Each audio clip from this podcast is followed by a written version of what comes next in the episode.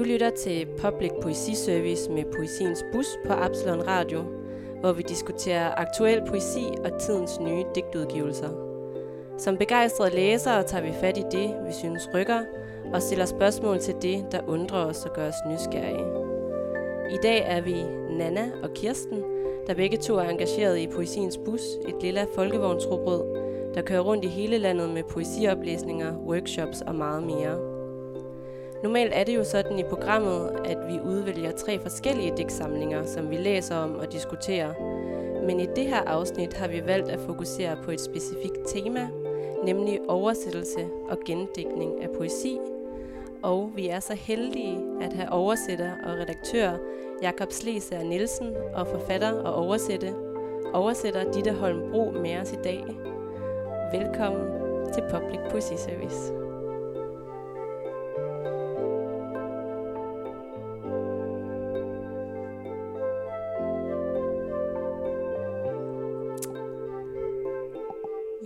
Hej Kirsten, Jakob og Ditte.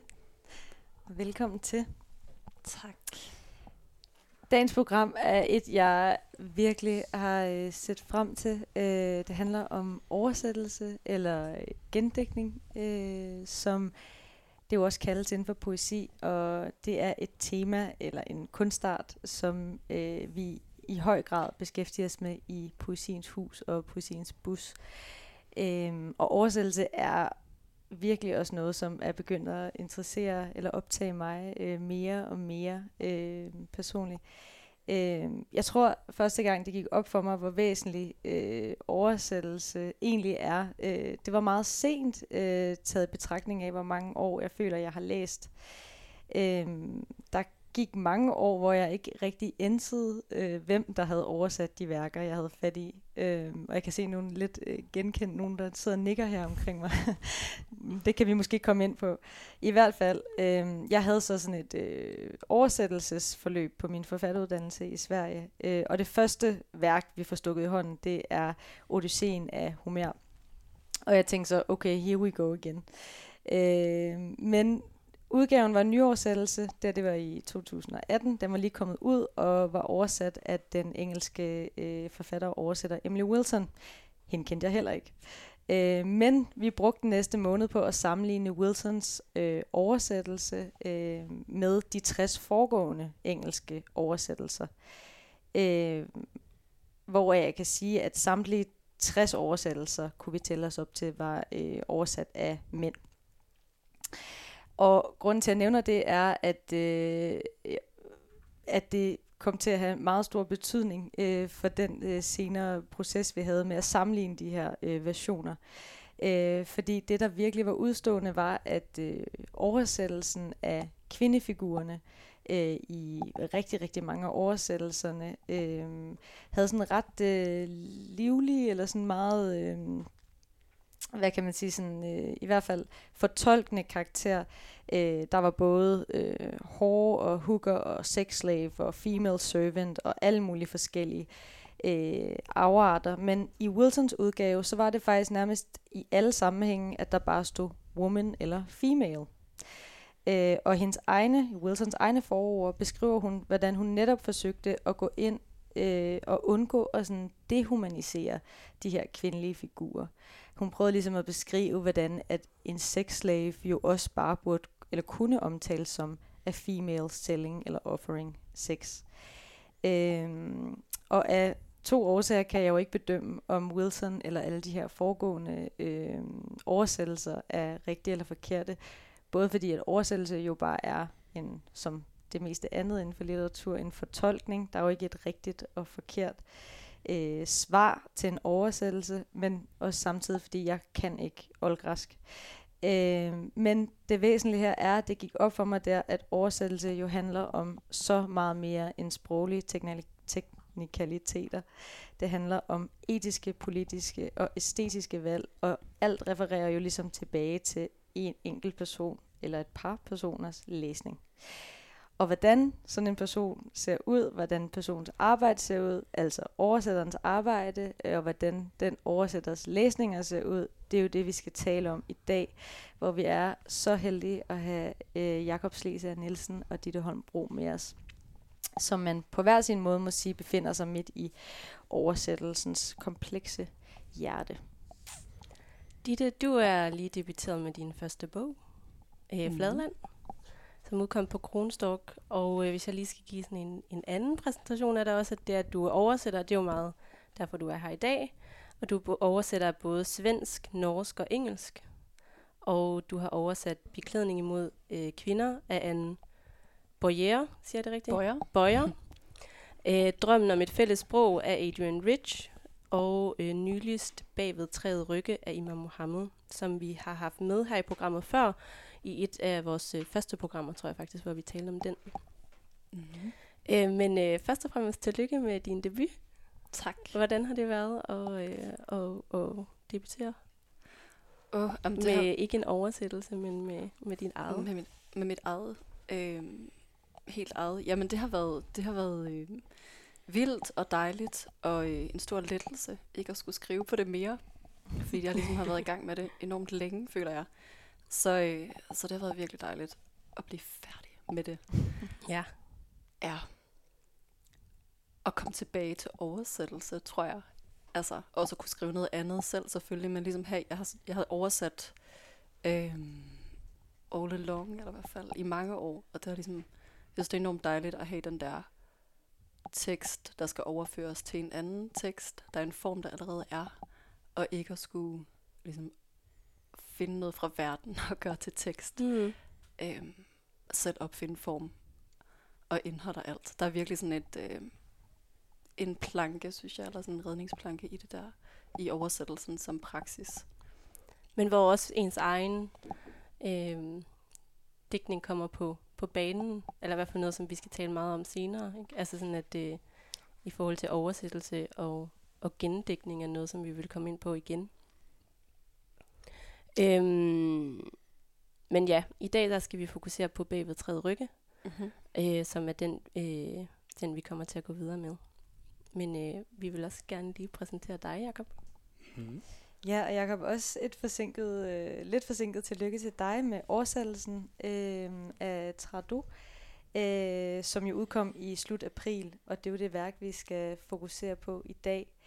Øh, du er jo øh, uddannet fra den svenske forfatterskole Biskops Arnø, og så øh, er du en del af øh, at være med til at starte Opidat, øh, organiseret, eller Jeg har ikke været med til at starte forlaget, men jeg har været en del af forlaget. Jeg har været en ligesom del af forlaget. Ditte faktisk. Også Ja. sammen med Adrian. Rich oversættelsen. Ja. Og så har jeg startet selv med to venner forlaget Amulet. amulet. Mm. Det skulle jeg lige til at nævne netop. Øhm, og du har jo før oversat øh, Athena Fogsat, som jo også er en af forfatterne bag øh, Trado. Øh, hendes øh, diks, eller øh, bogen, øh, som, som om katastrofen ikke allerede var her. Øh, men i dag, der skal vi altså tale om øh, det her værk, øh, Trado, af øh, romanske digter Svetlana øh, Kassian og øh, svenske digter Athena Fauxet.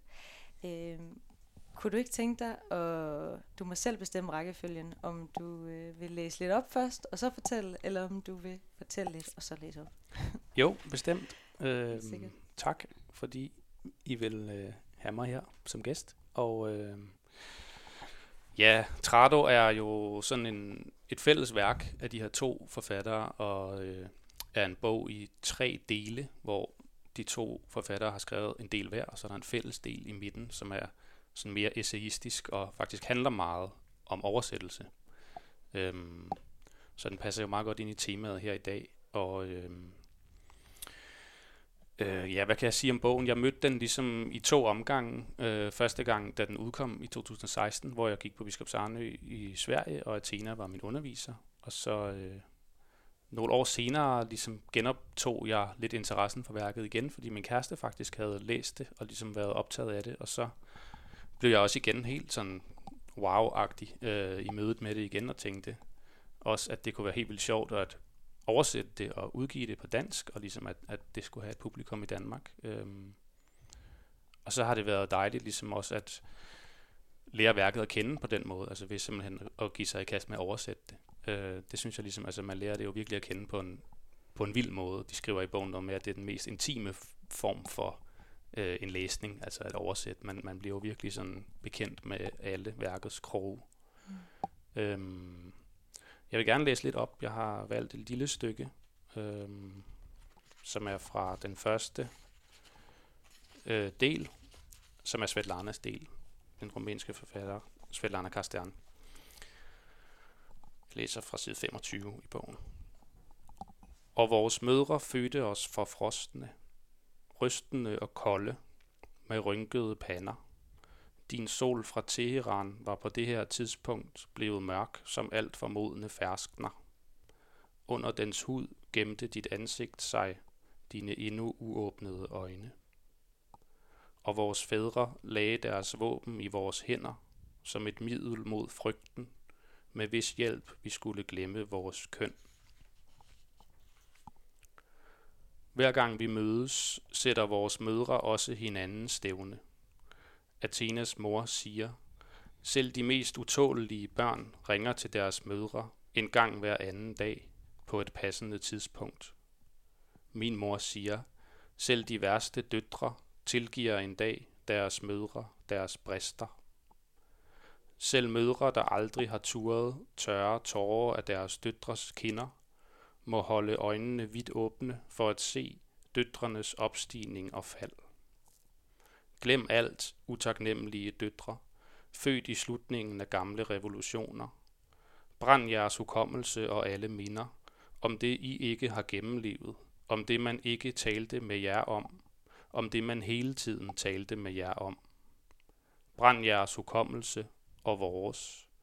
Fyld skraldespande med asken og fortæl ikke mere. Athenas mor siger, selv de mest omsorgsfulde mødre bliver trætte af at høre deres døtre snakke. Min mor siger, selv de mødre, der ustandsligt stryger og vasker tøj, har ret til at bede deres døtre tige. Især dem.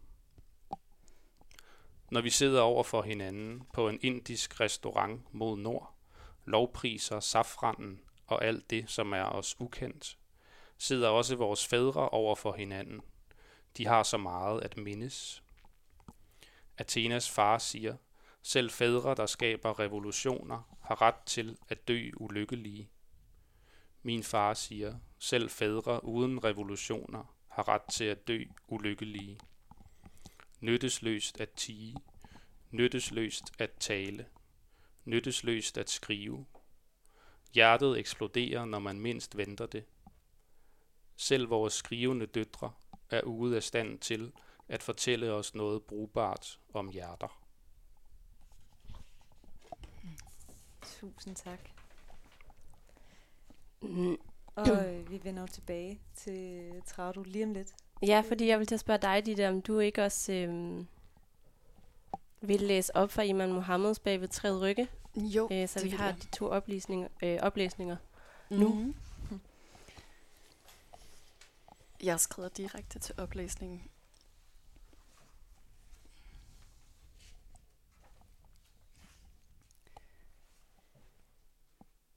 Hjernesubstanserne, der ufrivilligt besmykkede det grønne.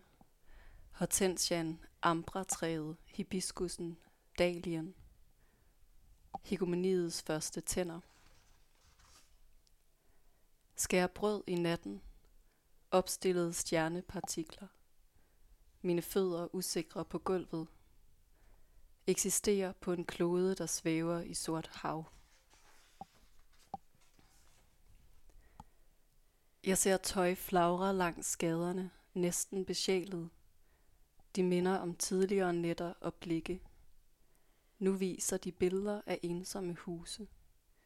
Alligevel føles dagene stille, føddernes bevægelser under tæppet, døde og levende.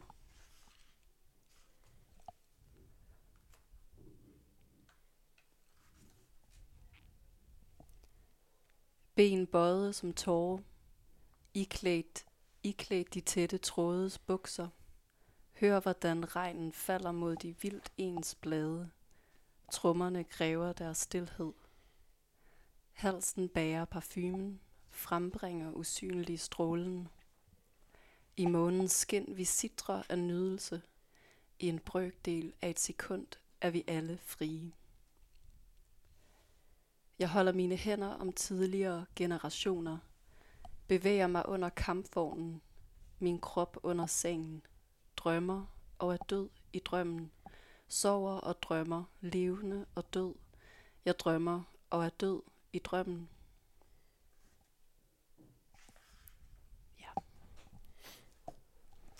Tak. Øhm, vil du ikke øh, måske introducere værket lidt ved også at sige, øh, hvordan du øh, stiftede bekendtskab med det, og øh, hvorfor du følte, at det var det her værk, der skulle oversættes? Mm, jo. Altså, Iman Mohammed gik jeg på, øh, på skriveskolen med i Jødeborg, og, øh, og lærte på den måde værket at kende, mens det blev til. Altså, jeg sad i de der to års skriverum øh, rum og læsninger, og fulgte det, og hun havde altid en lille del af værket med. Øh, jeg tror, øh, eller i hvert fald, der var selvfølgelig ting, der røg ud undervejs, men det var sådan meget øh, konsistens, konsistens, den her sådan to sider, hun havde, hun havde arbejdet med meget nøje, og så vi, lagde hun det frem, da vi mødtes øh, sådan en gang hver anden måned. Og så læste vi det meget grundigt, så grundigt vi kunne, og så, øh, og så øh, jeg fulgte det ligesom på den måde, så jeg har været med i den her tilblivelse, hvilket føles meget øh, øh, særligt og meget fint, fordi det var altid kun det her værk, hun, hun arbejdede på de to år, vi gik der. Og, øh, og jeg synes, det er øh, øh, ja, et uhyrt smukt værk. Og, øh, og da hun så spurgte, om, om vi havde lyst til at oversætte mig og Marete Indgaard Jacobsen, som har været med til at oversætte, vi to, der har oversat sammen, øh, så var det ret øh, nemt at sige ja.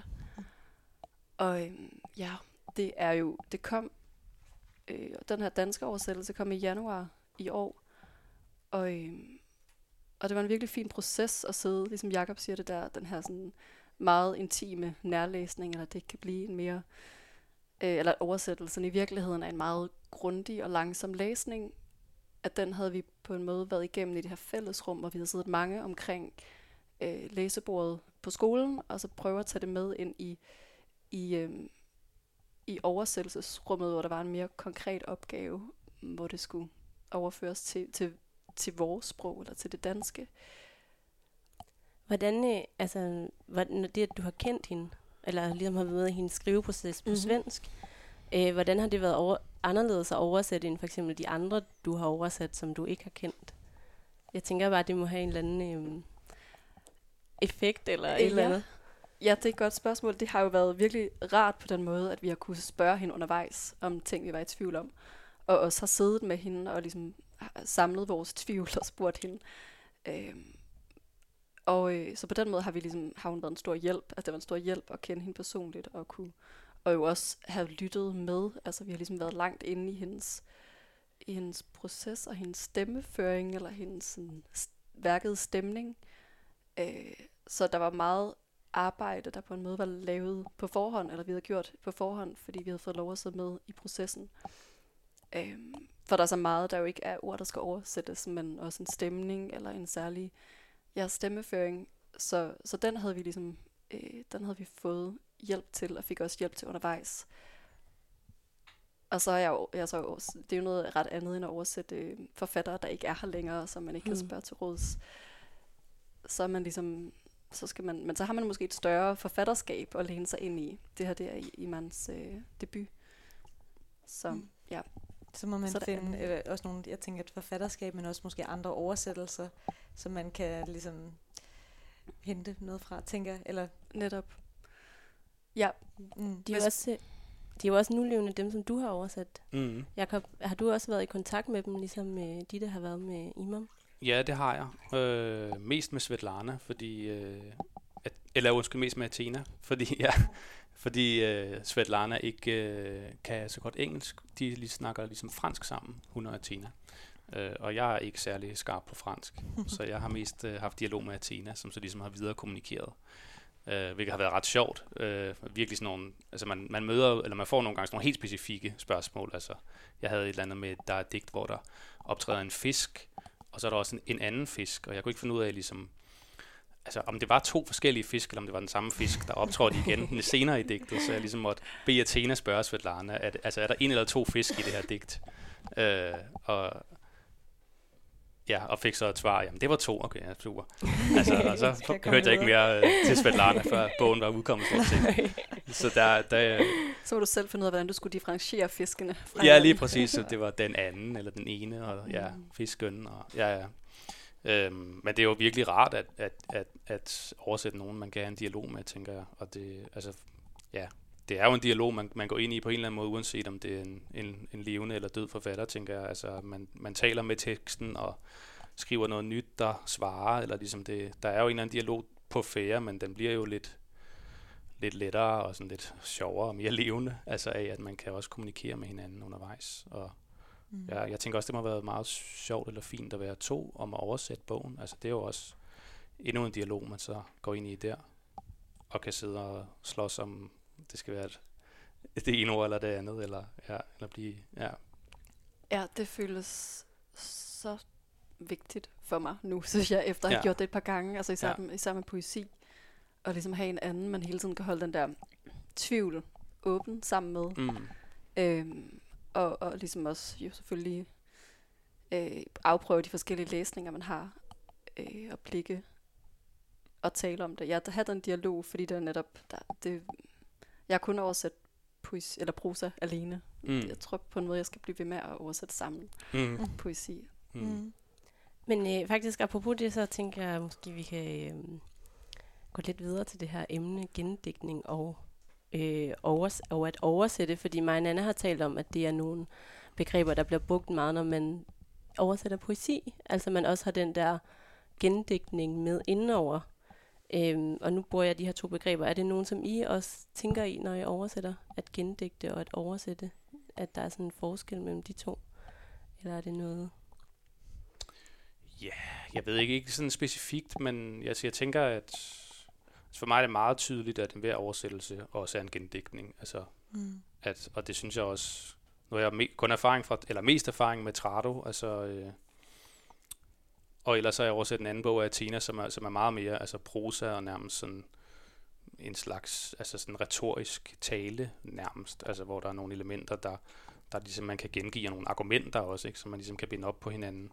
Og, og det er jo sværere i poesi, hvor det også er rytme og stemning og melodi og, og den slags. Øh, så der tænker jeg, at det, det vil være, jeg tror, det vil blive en virkelig dårlig oversættelse, hvis man vil ja, oversætte, forstået som ligesom at en til en øh, kopiere, eller ligesom bare finde det tilsvarende. Altså mm. der må man, der tænker jeg i hvert fald ret meget over, at man må ligesom tage et eller andet ansvar på sig og sige, at det er en gendækning, og den skal altså også lyde godt på, mm på målsproget, på det nye sprog, ikke? Altså, øh, og, så, og så må man jo give, give køl, eller give kål på nogle ting, eller hvad man siger, altså ligesom så, øh, så er det sådan, det er, at der ryger nogle ting i, i svinget. Øhm.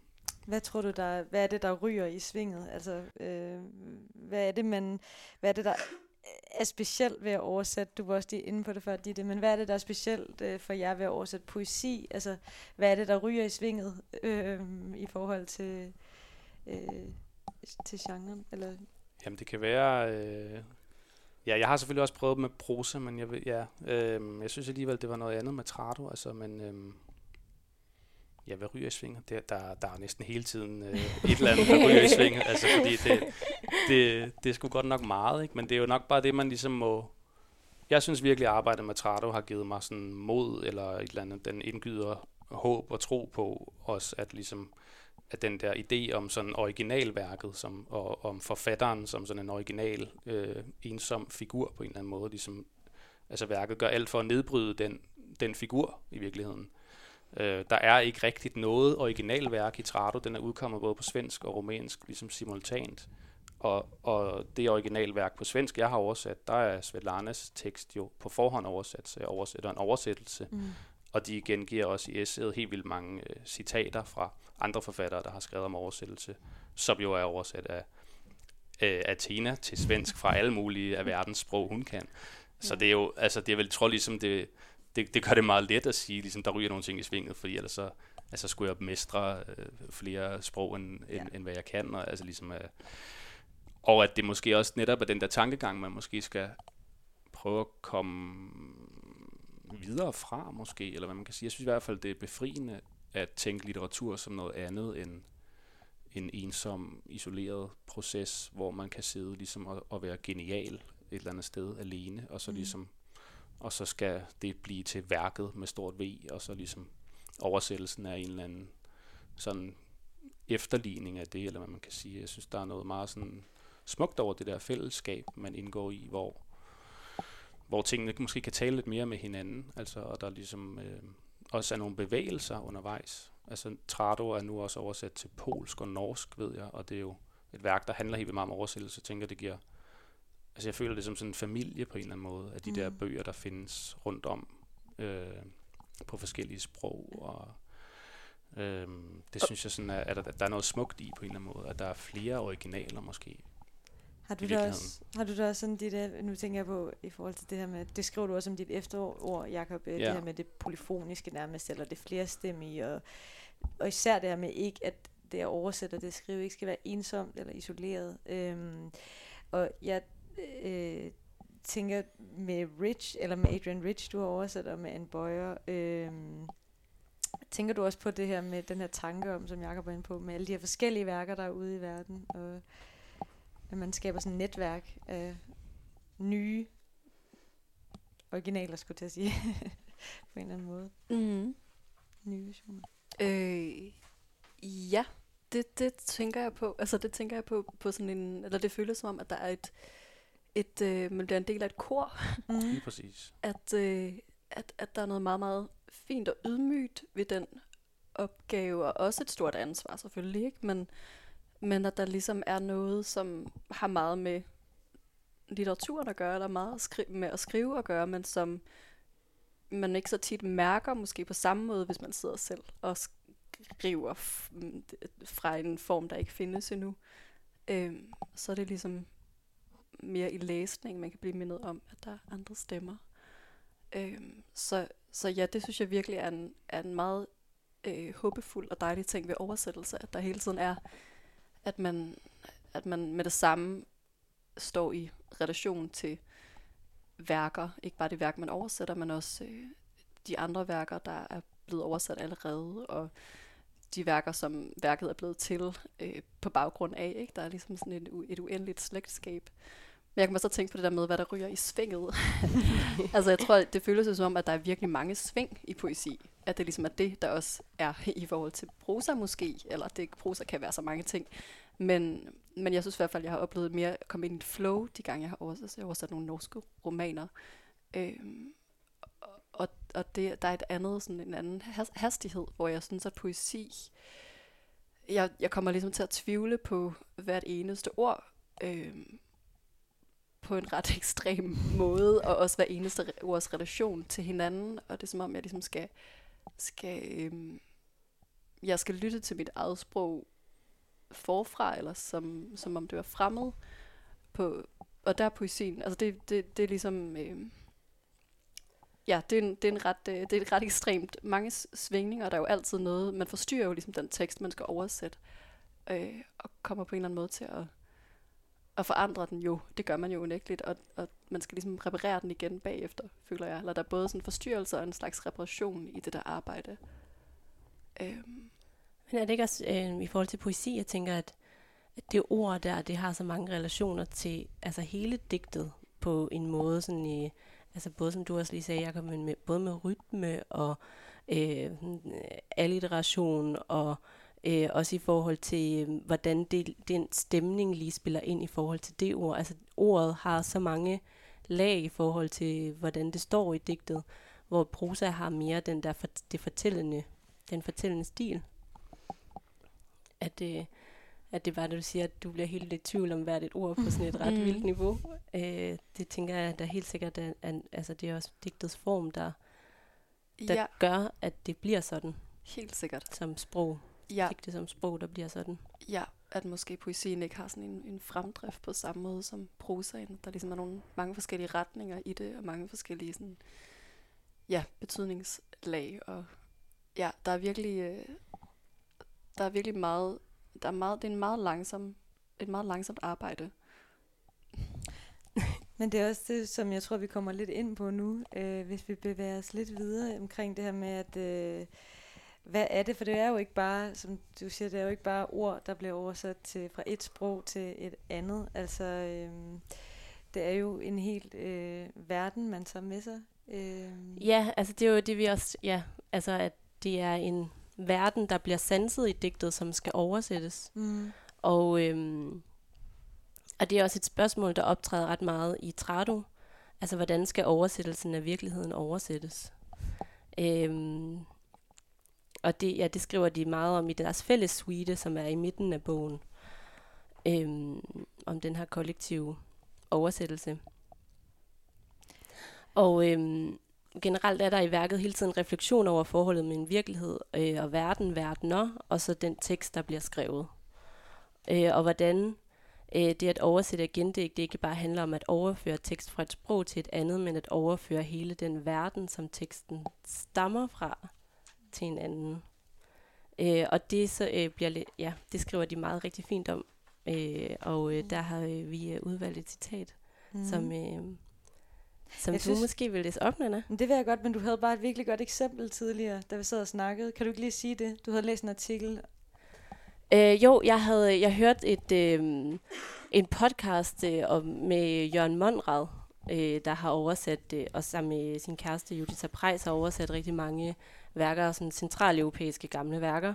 Og der sagde han, øh, at øh, i forhold til at skulle oversætte, at så kunne han godt lide at rejse derned, hvor teksten var blevet skrevet, fordi at øh, på den måde, så kunne han bedre forstå, hvad det var for en himmel, der blev beskrevet.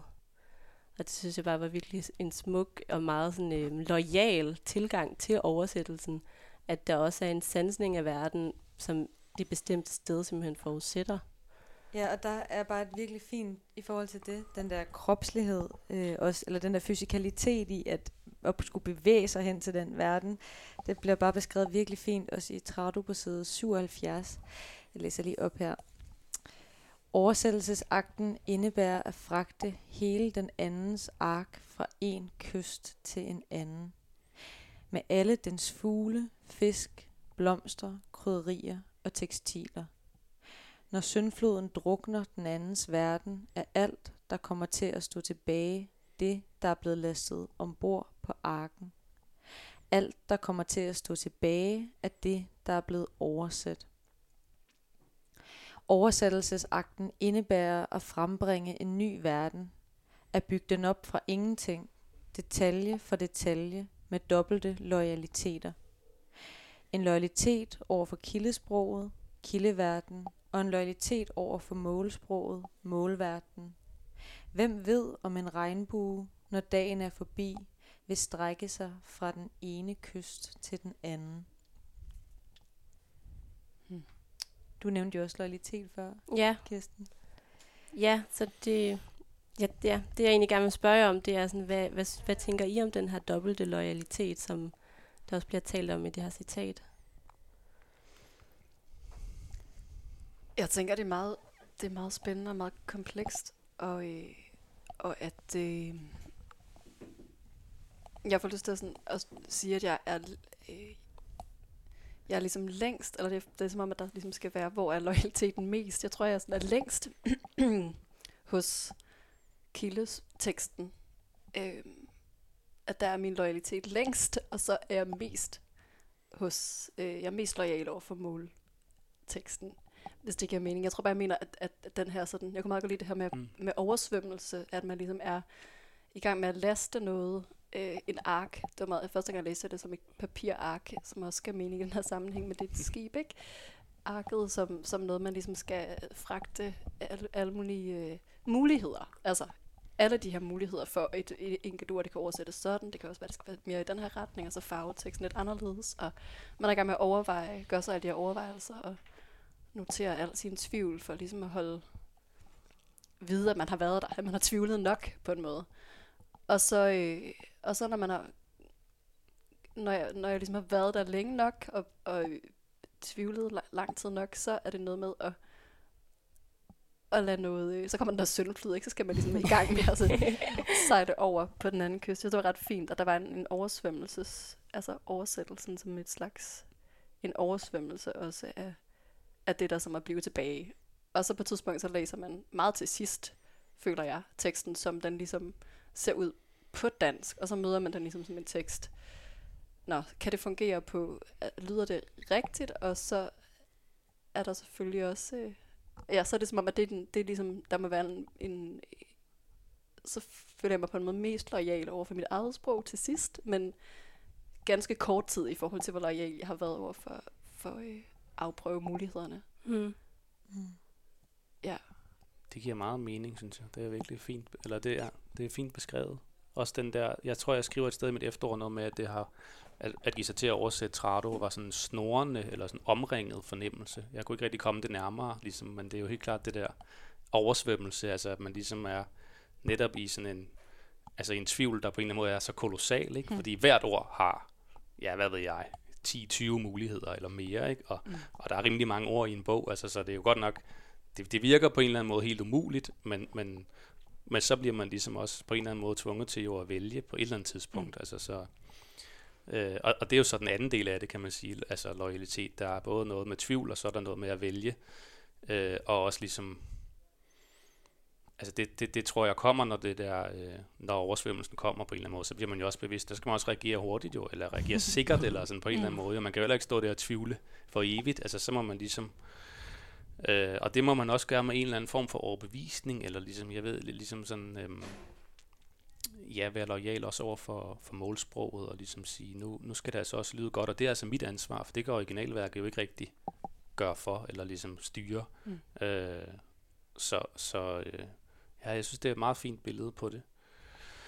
Øhm, men hele det der med, med at vælge, det, det, det er jo sådan meget sådan, ja, hvad er et valg? Eller det, det, men jeg, jeg læste bare øh, en, en tekst af Shardi, Angelina Basicki, øh, som mm. også er en virkelig dygtig oversætter, hvor hun skriver, øh, det er en tekst, som faktisk kommer i det næste nummer af Amulet Magasin, så det kan jeg også lige gøre reklame for her.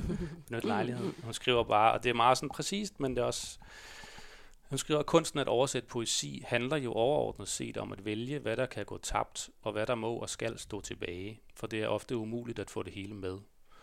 Hun skriver om en anden oversættelse, hun ligesom anmelder. Skriver hun, spørgsmålet er så, om jeg ville vælge at vægte på en anden måde. Ja, utvivlsomt, på godt og ondt. Det er derfor, at det hedder oversætterens valg.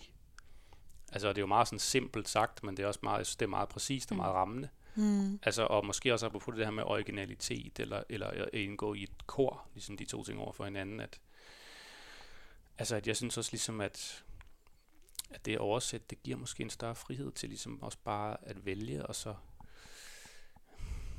ja, der er også større ansvar forbundet med det, fordi der er også andre involveret jo end en selv, men jeg synes bare, der er, altså man, man må ligesom vælge, og så, og så kan der jo også være, der kan jo også være andre muligheder. Altså for at oversætte. Der er jo, som du siger også med Odysseen, der findes rimelig mange oversættelser af den, ikke? Altså, eller sådan, så, så oversættelserne kan også komme til at tale med hinanden jo. Mm. Øhm, men jeg synes, det er, det er svært, eller man skal navigere i det der med tvivl og valg. og, og ja. så ligesom prøve, det prøve sig vel, frem, eller give det tid, ja. Ja, for det er vel det, som oversætteren, den, den komplekse rolle oversætteren har, simpelthen mm. at vælge, hvad for at blive det her billede, hvad arken skal lastes med på en eller anden måde, og hvad den ikke skal lastes med. Øh, og hvad tager man med over til den anden kyst? Øh, og hvad må man kaste fra sig på vejen? Øh, hvad må ryge i svinget, eller tage sig bølgerne, øh, eller hvordan vi skal sige det. Men i forhold til det der med verden, har I så nogensinde tænkt på, sådan, om I kommer til at laste arken med sådan danske ting? I forhold til det som i dansk last, ja, mm. i forhold til øh, at det er et svensk værk i begge de tilfælde, vi har med i dag. Men, øh, men også vel, at værkerne, øh, nu tænker jeg for eksempel på bagved træet, øh, øh, bagved træet rygge, at det mm. øh, jo forholder sig til en helt anden sådan, kontekst og verden, end, end den vi lige sådan er omgivet af mm. her, for eksempel. Jeg er også træt for den til skyld, men for at spørge dig, Ditte. Mm. Øhm, ja, om vi kommer til, om jeg kommer til, om spørgsmål om at gøre det for, for dansk, eller ligesom, der er helt sikkert et, øh, det er jo helt sikkert også en, et, et, et øh, svært spørgsmål, og noget, som, som hele tiden findes åbent undervejs, synes jeg. Ikke at gøre det sådan, at der også skal være et element af det fremmede. Altså jeg kan vildt godt lide, når jeg læser oversættelser, jeg også kan mærke, at det kommer et andet sted fra. Okay, ja. At det ligesom har været, at det er fra et andet sprog, og det også ligesom peger nogle nye muligheder ud i mit sprog, eller i mit modersmål, og kan se, at der ligesom er et element af, af øh, at der er den der rejse, der er foretaget, der er noget, der ligesom er kommet et andet sted fra. Så, jeg, så, så det, øh, det synes jeg, det synes jeg er vigtigt også at holde øh, øre, have øre for. Selvfølgelig også, fordi det er jo, øh, fordi der også er altså ting, som bare ikke, som kommer et andet sted fra, som ikke findes ord for mm. på dansk. Jeg ved ikke engang, om jeg har nogle gode eksempler fra det her værk, øh, som, som jo rigtigt, der er ligesom en, der er en, en meget anden himmel, mm. øhm, og en flugt, og en, en øhm, et meget, nogle andre grøntsager, der er noget meget med i den her, øhm, i den her øh, bog. Og den er meget sådan, man får virkelig lyst til at spise vandmelon og fetaost og øh, koge peberfrugter sønder sammen, når man, når man oversætter den, øh, og måske også forhåbentlig læser den, men ej, ja, det lyder virkelig dejligt med en rejse. Altså man burde måske altid have en slags, øh, en slags oversættelsesrejse, hver gang man skulle foretage sig. Øh, men hver gang man skulle foretage sig en oversættelse. Men den her er jo skrevet meget fra en, ikke fra den her himmel, men en rendring om himlen. Så på mm. den måde er det også en, øh, ja, det, det, det ikke et, et krav, føler jeg. Nej. Men det er, det er lige før, vi skal tage det her eksempel, som jeg øh, så gerne vil, fordi det passer bare lige ind i forhold til, når du taler om den her... Øh, ja, med at skulle vælge, og man, nu var der så ikke nogen sådan specifikke, måske, altså vandmelon feta, det var altså nogle retter, som vi kan sådan genkende. Og, øh, men øh, vi havde bare, øh, Kirsten og jeg, talt om et eksempel fra øh, en tekst af den øh, koreanske forfatter Don Mi Choi, øh, i teksten Translation is a mode equal, eller øh, lighedstegn, Translation is a anti-neocolonial mode, øh, hvor hun sådan skriver om den her, øh, øh, eller skriver om en koreansk ret, som hedder Oksusupang. Øh, og hun skriver altså, at øh, Oksusupang øh, er en ret, som bliver serveret for øh, de sydkoreanske skolebørn under Koreakrigen. Øh, Øh, og på engelsk, øh, så er den her ret blevet oversat øh, fra koreansk litteratur. Den er altid blevet oversat, eller oftest blevet oversat til cornbread. Øh, og det er den af den årsag, at øh, det, det indholdet er ligesom det samme. Altså det er majsmel og vand og salt. Øh, så i amerikansk kontekst, der er det ligesom øh, cornbread. Men som Joyce så pointerer eller skriver, øh, But these words do not uh, equate to one another. They do not share the same distinct histories and context. These children did not eat cornbread, they ate osusumpang. Even if the words, linguistically speaking, can be directly, co- directly connected. Så hun skriver altså, at det kan godt være cornbread og, og øh, osusumpang, det er den samme ret, men øh, det har ikke, det, det, det, er, det er det ikke. Altså, det er ikke det, de spiser. Øhm, og jeg tænker bare i forhold til, hvad du siger det her med, altså, og hvad Kirsten spurgte om den her sådan, fordanskning, eller at komme til at pålægge, hvad kan man sige, øh, kildetekstens øh, verden, øh, laste den med noget. Øh, altså, at det er ligesom en, en problematik, som man forholder sig meget til. Jeg har også i øh, Svetlana, hun skriver om øh, Eugenia Kiks, ja. som er en, åbenbart en, en romansk øh, ligesom snack mm. øh, kiks variant. Jeg tænkte lidt sådan på Marie Kiks, kunne være sådan en, altså en ting, man kunne oversætte det til, som alle ville kende. Men altså, der står også bare Eugenia Kiksene i Trado. Fordi netop, jeg synes, det er meget fint det der citat, altså det var jo ikke Marie Kiks, hun spiste, ligesom det ikke var. Mm. Ja, ikke cornbread.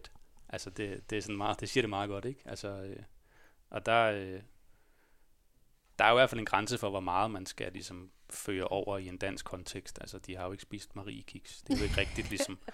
øh, så det er jo sådan meget enkelt øh, på den måde, ikke? Og, og, så er der jo andre ting, hvor det er sværere, og hvor man også nok må for danske lidt, altså. Men jeg tænker også lige præcis den der, altså der er jo, det kan jo ikke være Marie Kiks, fordi det er jo, som du siger, ikke det, der blev spist. Men der er alligevel den der dagligdagshed over Marie Kiks, den der barnlighed over Marie Kiks, som jo kunne være kommet med, ja. hvis Helt der havde sikkert. stået Marie Kiks, som Ja, men ryger der i tror jeg, svinget, så at sige. Ja, men klart. Der tror jeg også, jeg har det. Altså, jeg tror egentlig, jeg forestiller mig de der Eugenia Kiks, uden jeg sådan helt er klar på 100% hvad det er. Jeg googlede dem og ved, at de, de findes stadigvæk. Det er sådan et produkt, der står Eugenia på. Øhm, men jeg, jeg føler ligesom, jeg føler personligt, og det altså, at, ligesom, at der er den der hjemlighed ved dem, som ligesom rejser i Svetlanas tekst over til, til mig som læser på en eller anden måde. Ligesom du sagde, de der, ligesom at, ja, altså hvad skal man sige, at, øhm, nej, nu har jeg glemt, hvad jeg vil sige med det. Jo, men at der er den der fremmedhed stadigvæk til stede, også når man læser en oversættelse. Altså, der er jo også fremmede bynavne. Det, der står Bukarest og Potosani, altså rumænske byer, som man jo heller ikke vil oversætte til Esbjerg og København, eller hvad ved jeg. altså, så der er ligesom, der må gerne være den der fremmedhed. Altså, øh, og det, jeg tror, det vil være over grænsen, ligesom at, at oversætte til Marie Kiks. altså, fordi det ligesom er så tydeligt forkert, ligesom at det var jo ikke det, det var. Men det er helt rigtigt, så kan man glip af noget andet. Altså den der association til, hvad ved jeg, de der tørre Marie Kiks, man, man skulle spise som barn hele tiden. Og det er vel hele tiden et spørgsmål om, hvem skal jeg være lojal overfor, ikke? Altså, Jo. er det kildetekstens verden, eller skal jeg tage måltekstens læser sådan, i hånden på en eller anden Mm. måde? Og, hvordan, og hvad vil det sige, altså at tage nogen i hånden? Jamen, det er så, så, så vildt. Altså, det er jo et vildt godt eksempel. Det er jo på en måde åbenlyst, at det ikke skal være Marie Kiks. Og det er jo en helt, der er jo sådan en helt øh, associationsverden øh, omkring Marie Kiksen, som jo ikke kan været Svetlanas. Mm. Altså kommer man ligesom til at oversætte for meget. Mm. Men, men det er noget, der er noget virkelig, øh, der er noget, der er noget, den hele sådan, en af, noget af det, der, der også drager mig, tror jeg, til at oversætte, er også, at der er noget ved et værk, som jeg kan mærke, at jeg, øh, jeg som drager mig, men som jeg også ikke helt forstår, eller noget, jeg ikke helt kan få greb om, og at jeg har en eller anden, øh, et eller andet, en, et, øh, en trang til at få det tættere på. Og den der sådan, den, det der forsøg på at trække noget tættere på sig selv som en slags, altså for, for at genkende det, eller hvad, eller for, for at nærme sig det, er sådan en underlig og e, e, etisk spørgsmål også, ikke? Om at få det, få det til at komme, øh, ja, man skal ligesom nærme sig det måske mere, end man skal trække det hen til sig selv. Ja, klart, helt sikkert. Ja. Øh, I Trado, der citerer de en amerikansk øh, forfatter, der hedder Rosemary Waldrop, Ja. som snakker om, hvordan det at oversætte også er altså et begær efter at gøre værket til mit. Altså som jo netop er det der med at ja, måske trække det til sig, ligesom, eller indoptage det nærmest. Ikke? At lade de der Eugenia Kiks blive Marie Kiks, fordi ligesom, nu er det altså sådan, det er. Øhm, Og man skal vogte sig for det begær. Ja, de. det, ja præcis, præcis. Altså ligesom, men, men, og, og, og det ligger der jo på en eller anden måde, netop sådan som etisk overvejelse, tænker jeg. Altså ligesom, at man måske ikke gør det til, til, til mit som, som sådan, men ligesom man gerne vil nærme sig det, og sådan lære det at kende, og på en eller anden måde kunne røre ved det. Men der er det nok, jeg synes, det er meget fint beskrevet, at så må man selv ligesom gå, gå i retning af værket, ikke? end at sådan hive det til sig. Og nu hvor vi er ved Rosemary Waldrop-citaterne, så har jeg også lige et Mm. med. Som Ja. Hun siger også på et tidspunkt, a strangeness at the very heart of language. Altså det der med, at der ligesom godt må være en Eugenia Kiks, uden at vi ved, vi ser billedet for os, så er der stadig sådan en, der er en hel, der er en stemning, som ikke er præcis for os, men som stadig øh, sætter nogle klange an, som, som, så vi godt kan nærme os det, Mm. uden at appropriere det, eller uden at sådan Ja, præcis. Men at- til os. Er det ikke også netop det, sådan poesien kan? Altså tænker jeg, det har vi i hvert fald talt om, at, sådan, at det, en poesi er jo mest af alt øh, også en sansning på en eller anden måde. Øh, at det også skal være, man, at der godt må være nogle udstående, som ikke måske taler til ens logik, eller taler til ens, at man forstår referencen øh, umiddelbart, men at det taler til, øh, øh, ja, til ens øh, følelser, og det taler til ens intuition. Øh, og ja, jeg tror, de her ubekendte, tror jeg, det er jo også en smagsag, hvor mange ubekendte, det taler vi også tit om, Kirsten, øh, og i de andre programmer, hvor mange ubekendte orker man i sin læsning. Øh, jeg synes personligt ubekendte, eller sådan det lidt hengemte, eller måske lidt fjerne, kan være dragende, som vi også lige har været inde på. Øh, men jeg tror, vi har også skrevet et spørgsmål, sådan, er der en begrænsning? Altså sådan, er der nogle verdener, som man som oversætter tænker, det, det forfatterskab, eller den verden, eller den genre, vil jeg simpelthen ikke kunne oversætte. Altså sådan, den er for fjern for mig. Har, er det noget, I sådan har... Altså, jeg synes, det er et rigtig godt spørgsmål, og, og der knytter sig jo også masse strukturelle ting til det. Altså, at ja, ikke have erfaring med migration for eksempel, og, og oversætte en bog, der, der omhandler det også. Øhm, altså der er der helt klart nogle ting der, hvor jeg tror, det er svært sådan helt at have sådan et kategorisk sætning omkring det, synes jeg. Mm. Øhm, men at man ligesom må holde sig åben for, at man ja, ikke kan oversætte alt. Øh, det, det tænker jeg da helt sikkert, der vil være mange værker, jeg ikke vil have, have hverken heller lyst til, men også evner til ligesom at, at, kunne, at kunne gå ind i. Og, og så tror jeg, det også handler meget sådan, altså der må man måske, altså det er selvfølgelig svært, hvis forfatteren er død. Men altså man kan jo også ligesom have, have en dialog altså med forfatteren, da forfatteren kan jo også have specifikke ønsker til, hvem der skal oversætte et værk. Øhm, og, og dem må man jo virkelig have respekt for. Altså, Ja. Øhm, jeg tænker personligt med Trado, at den handler også helt vildt meget om at skrive, og om at oversætte, og om ja, en, en form for sådan politisk øh, forståelse af verden på en eller anden måde, som jeg sagtens kan, kan genkende og leve mig ind i. Og, men, men der er jo også, det handler også om moderskab, altså, og, og jeg er jo ikke kvinde, sådan, så, så jeg kan skrive om det. Eller kan ligesom ja, gå sådan direkte, men så jeg synes, det, det er spændende sådan at holde sig de der overvejelser, øh, uden jeg sådan helt kan sige, den type værker vil jeg aldrig røre ved, eller, eller omvendt. Den type værker var lige mig, der skulle oversætte nej, dem. Nej. Men der altså er en proces, det, det er en proces, som ja, ligesom foregår, når man, når man vælger værker, som ja. man tænker i Ja, det tænker jeg. Er der sådan en tanke om, altså, hvor meget respekt kan jeg være over for det værk, der er, og vil jeg kunne komme til at, at være, øh, ikke at kunne, øh, kunne gøre det, øh, gøre det nok, fordi at det, min erfaring ikke rækker til det? Ja, ja. Altså, men også måske at give plads til, kunne der, altså også bare have den tanke med, altså kunne det være, der var nogle andre, der faktisk var bedre kvalificeret til, til, til det, altså i stedet for at man ligesom skal claime rummet meget hurtigt, ikke? Hmm. Ja. Er det også noget, som du har med i dine overvejelser, sådan, når du tænker i oversættelse, Ditte?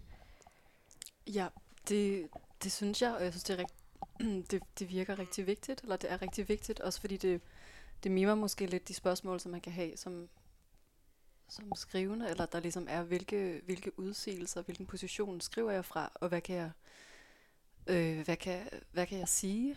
Øh, og der er jo også en, altså, helt tydeligt, at der vil være en anden, der vil oversætte et værk anderledes end, end mig, fordi jeg har nogle specifikke erfaringer og nogle særlige privilegier og blinde vinkler og så videre. Og den, nu lige nu sidder jeg og oversætter en Boyers um, The Undying, som handler, som handler om, om, om brystkræft, om, øhm, og, et, øh, og, og der er jo altså alle mulige, øh, kan man sige, det har jeg gudskelov ikke haft, men den handler også rigtig meget om alle mulige andre ting. Altså det er jo, den handler også meget om, om øh, udmattelse og smerte og um, kapitalisme. Om, altså det er jo også, det, som Jakob siger, det er svært at sige noget kategorisk. Det her vil jeg aldrig kunne gå ind i, fordi det jo netop også er en, altså en position, som måske taler om mange forskellige ting samtidig. Ja.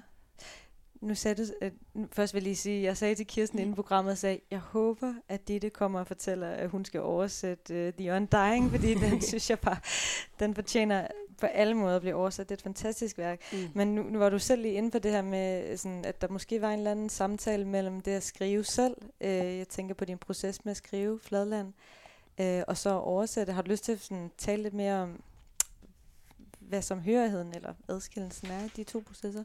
Mm, ja, det kan jeg godt prøve. Altså, jeg, jeg ved ikke helt om... Det er et meget åbent spørgsmål, kan jeg godt. ja, der er ligesom mange... Altså, det er i hvert fald... Jeg tror, jeg føler, at det at oversætte har været mit arbejde i længst tid, og så har det været sådan lidt en hemmelig beskæftigelse at skrive selv, øh, som, som, har, øh, som jeg har gjort ved siden af, og som, som jeg sagde i starten, at det har været en, en virkelig vigtig, øh, et dejligt sted at gå hen, når et, jeg er gået stå, eller når der er et manuskript, der ligesom er, har lukket sig om sig selv, og så have et andet, nogle andre, der allerede har skrevet og koblet sig på og prøve at finde tilbage eller ind i noget sprog derfra, og ligesom gå i lære hos øh, nogle andre. Altså der er noget sådan, det er en enorm gave at, at øh, få lov at imitere andre stemmer, og også noget næsten blasfemisk, kan jeg nogle gange tænke. Jeg ved ikke, hvordan du har det, Jacob. Men jeg kan sådan, der er ligesom, altså jeg tror ikke, jeg havde skrevet, jeg tror ikke, jeg havde færdigskrevet noget selv, hvis jeg ikke havde oversat, tænker jeg tit på. Det var ligesom, der i Jødeborg, hvor jeg gik på, på skriveskole, var der et meget øh, tidligt i forløbet et forløb om oversættelse, hvor vores undervisere var talt, havde øh, talt ligesom over, om oversættelse som sådan en slags øh, nøgle til alt. Der var ikke noget, man ikke kunne lære i virkeligheden om at skrive, øh, som ikke fandtes i oversættelsesarbejdet. Og, øh, og det synes jeg, det var, det, det var virkelig en spændende og sådan ny tanke for mig på det tidspunkt. Men det tror jeg er rigtigt. Altså jeg synes virkelig, der er meget hele tiden at lære i den der sådan underlige akt mellem at læse meget grundigt og skrive meget langsomt og ydmygt i forhold til en, en anden stemme og prøve at lytte sig ind på den. Men vi jo virkelig også, altså jeg ved ikke, at nogle gange også, det kan, jeg kan få det sådan en blanding af, at det kan være virkelig besættende, og så indimellem kan jeg også blive sådan, ja, det kan føles lidt blasfemisk. Mm. Jeg ved ikke, om det... Altså, jeg tænker også bare, at processerne er øh, ret forbundne i virkeligheden. Altså, at, at det også er, når man skriver, mm. at man også, og jeg kan virkelig godt genkende det, at det er en gave at få lov at, at, at mime noget andet, eller hvad man kan sige, ligesom at læne sig op af noget andet.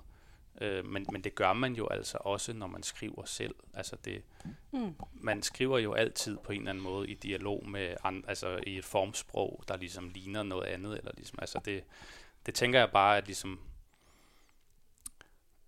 Klart, jeg ved ikke, hvad det er for en gud, man skulle være blasfemisk overfor. Nej, det er det, det, altså ligesom sådan en eller anden... Øh, men jeg kan, altså jeg kan sagt, virkelig sagtens forstå dilemmaet, eller ligesom forstå tanken, men, men øh, jeg tror for mig giver det meget sådan logisk mening, men nu er jeg også helt inde i Trado, hvor det virkelig også er sådan mantraet, ligesom at nærmest alt sprog er oversættelse. Altså det er simpelthen ikke muligt ligesom overhovedet at sige noget, der kommer et eller andet fremmedsted fra, ligesom, og dumper ned i hovedet på en. Mm. Øh, men det tænker jeg også meget, det er med, med, med, det, med skrivearbejdet, altså at man på en eller anden måde er læser, samtidig med at man er forfatter, ikke? Altså at, at det er en, en proces, der der hele tiden kører, og man også som forfatter faktisk, altså det er vel også lidt det, det handler om, at man også kan lære meget af at, ja, mime. Mm. Altså det, det har sådan en lav status, øh, eller sådan, det, det lyder jo ikke fedt, eller sådan, men, men der er meget, man kan hente øh, i det, og jeg tror, at, altså, at alle, alle værker læner sig jo op af andre værker og, og taler sammen, og netop også det der, vi har takket om som, med litteraturen som et fællesskab. At ligesom, jeg tror virkelig, der er meget at, at hente i det, altså frem for at tro, at man skal sidde helt alene op på sit tårnværelse, ligesom, mm. og, og så skal det komme ned i en på en eller anden måde. Mm. Helt fremmed. Øhm. Ja, og selv når man skriver fra uden en form på forhånd, eller fra, henter sprog frem fra verden, så man er også allerede altid i gang med at, at, at, at, at øh, skrive noget af, eller ligesom... På en eller anden måde, ja. Men ved altså, ikke uden... hvor det kommer fra. Nej, det er det. Nej, nej, og det fungerer jo på mange, ja. Det er jo ikke sådan en til en heller, altså ligesom at alt er allerede skrevet, eller hvad man nu kan sige, og alt er bare kopier af noget andet. Altså det er jo ikke på den måde heller. Mm. Der er jo, det er jo en bevægelse, ligesom, eller en udvikling, der hele tiden er i gang. Det er en søgen måske hele tiden. Ja, på en eller anden måde. Det, ja, det, Men jeg synes virkelig, det giver mig, altså, ja, den der med, at, at der er næsten ikke det, man ikke kan lære af at oversætte. Altså det, det er godt nok en, det er meget sådan intens øh, også arbejde med form jo i virkeligheden. Altså fordi det er jo den, der helst, altså ordene, der, der, der kan det måske også godt gå an på en eller anden måde, hvis, hvis der lige er, altså, fordi der er så uendelig mange muligheder, at der er noget, der er rigtigt, og så er der noget, der måske også kunne være rigtigt faktisk. Der er ikke én. Men formen er jo ligesom virkelig sådan, den, den, den, den læner man sig ret meget af, så man lærer jo virkelig også bare på en meget intim måde en anden form at kende, eller man indoptager den nærmest, ikke? Altså, og sådan jo. æder den og, og, og spytter den ud igen, eller hvad man nu skal sige på en eller anden måde. øh, Lidt som du var inde på, det der med at bygge op og rive ned og Lige hele præcis. det her forhold. Vi skal faktisk allerede til at slutte af, ellers jeg føler, at vi kunne tage en, øh, en time mere. Men, øh, og der er bare øh, så meget mere, vi kunne komme ind på, men jeg synes, det har været virkelig øh, spændende øh, og have besøg af jer begge to, Jakob øh, Slesager Nielsen og Ditte Holm Bro. Vi har jo talt om øh, oversættelsen af øh, Iman Mohammeds bag ved træet rygge, øh, og så har vi talt om Trado af Svetlana Kartisan og øh, Athena Farrokhzad øh, her på Absalon Radio øh, med Public Poesy Service med Nana og Kirsten. Og jeg tror lige, jeg vil... Øh, der er bare lige sådan en lille i forhold til, hvad vi taler om her til slut. Øh, men det her samtale mellem det skrivende og oversætte og det her, øh, den her flerstemmighed. Øh, og ja, det polyfoniske, som jeg synes var så fint på side 103. Øh, og jeg tror, det vil være det sidste øh, for i dag. Øh, tak fordi I vil øh, være med, begge to. Alle tre. Også dig, Kirsten. øh, det kommer her. Vi skriver for at finde ud af, hvad vi vil skrive, hvis vi skrev. Vi skriver for at finde ud af, hvem vi vil elske, hvis vi elskede. Vi forråder for at finde ud af, hvem vi vil forråde, hvis vi forrådte. Vi oversætter for at finde ud af, hvad vi vil oversætte, hvis vi oversatte. Tak for i dag. Tak.